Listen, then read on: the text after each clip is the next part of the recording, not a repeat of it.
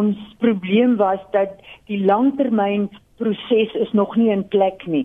En ons het dringend 'n korttermyn proses nodig gehad want die brug is besig om 'n paar plekke gate in te kry. Die soutinhoud van die rivier was so hoog dat ons binnekort die hele lewe van die estuary sou vernietig het. En ons kon nie verder daarmee aangaan nie. En ons kry ook nie 'n invloei van vars water om die soutwater te vervars nie want daar's geen inloop van die swart en die seekoeie riviere nie as gevolg van damme wat hoër opgebou is. Hmm. Daar's ook geen as jy kyk na die weervoorspelling vir die volgende paar maande, is daar geen radikale weervoorspellings gemaak.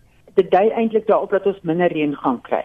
So ons moes in terme van interregeringsvlakke in gesprek tree met die departement van omgewingsake en sê ons moet nou hierdie probleem oplos want anderster moet ons hof toe gaan en hulle het tot ander insigte gekom waar hulle vir ons onder sekere voorwaardes gegee het om hierdie mond oop te maak en dit het ons dan toe nou Saterdag gedoen. Wat het hulle koppe gedraai? Die noodtoestand, want dit is waarop dit gebaseer is en die feit dat 'n mens nie sommer net vir iemand kan sê nee nie.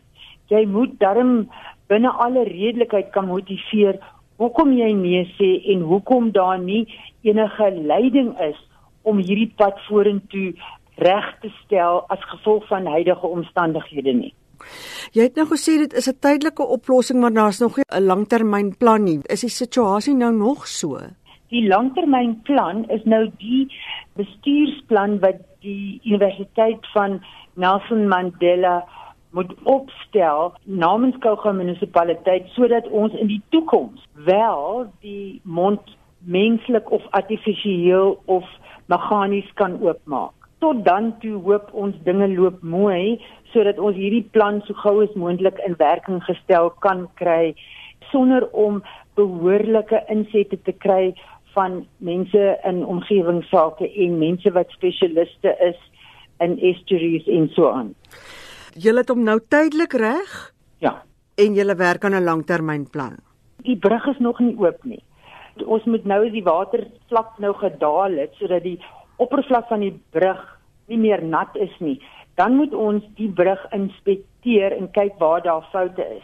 Dan moet ons 'n ingenieur kry om vir ons te sê wat ons moet doen om die brug reg te maak en aan die einde van die dag moet ons ook die brug laat sertifiseer dat hy bruikbaar is sodat wanneer ek of jy of iemand anders oor die brug ry dat hulle nie in 'n gat inry en dan die munisipaliteit verantwoordelik kan hou daarvoor nie want daai brug is basies deel van 'n munisipale pad. Is die brug reg gebou?